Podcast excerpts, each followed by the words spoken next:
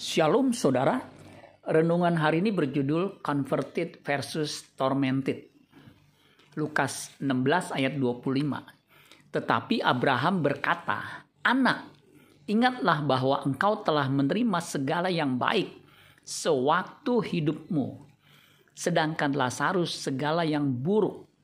Sekarang ia mendapat hiburan dan engkau sangat menderita.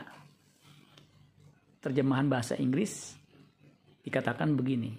But Abraham said, Son, remember that you in your lifetime receive your good things, and likewise Lazarus evil things, but he is converted, and you are tormented. Tragisnya hidup diceritakan dalam perikop berjudul Orang Kaya dan Lazarus yang Miskin. Lazarus mendapat penghiburan. Lazarus is converted. Sedangkan si orang kaya sangat menderita. The rich man is tormented.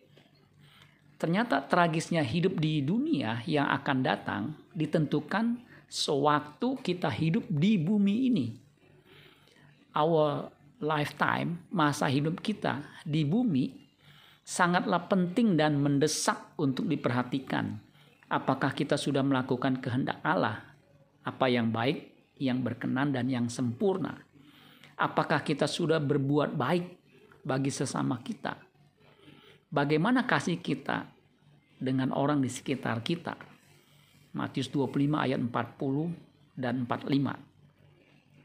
Dan raja itu akan ber, akan menjawab mereka, "Aku berkata kepadamu, sesungguhnya segala sesuatu yang kamu lakukan untuk salah seorang dari saudaraku yang paling hina ini, kamu telah melakukannya untuk aku.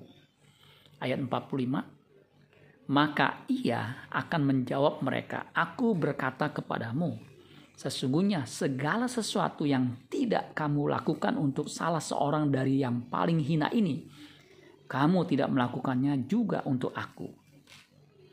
Mari gunakan sisa waktu kita untuk berbuat kasih kepada sesama kita Amin buat firman Tuhan. Tuhan Yesus memberkati. Sola Gracia.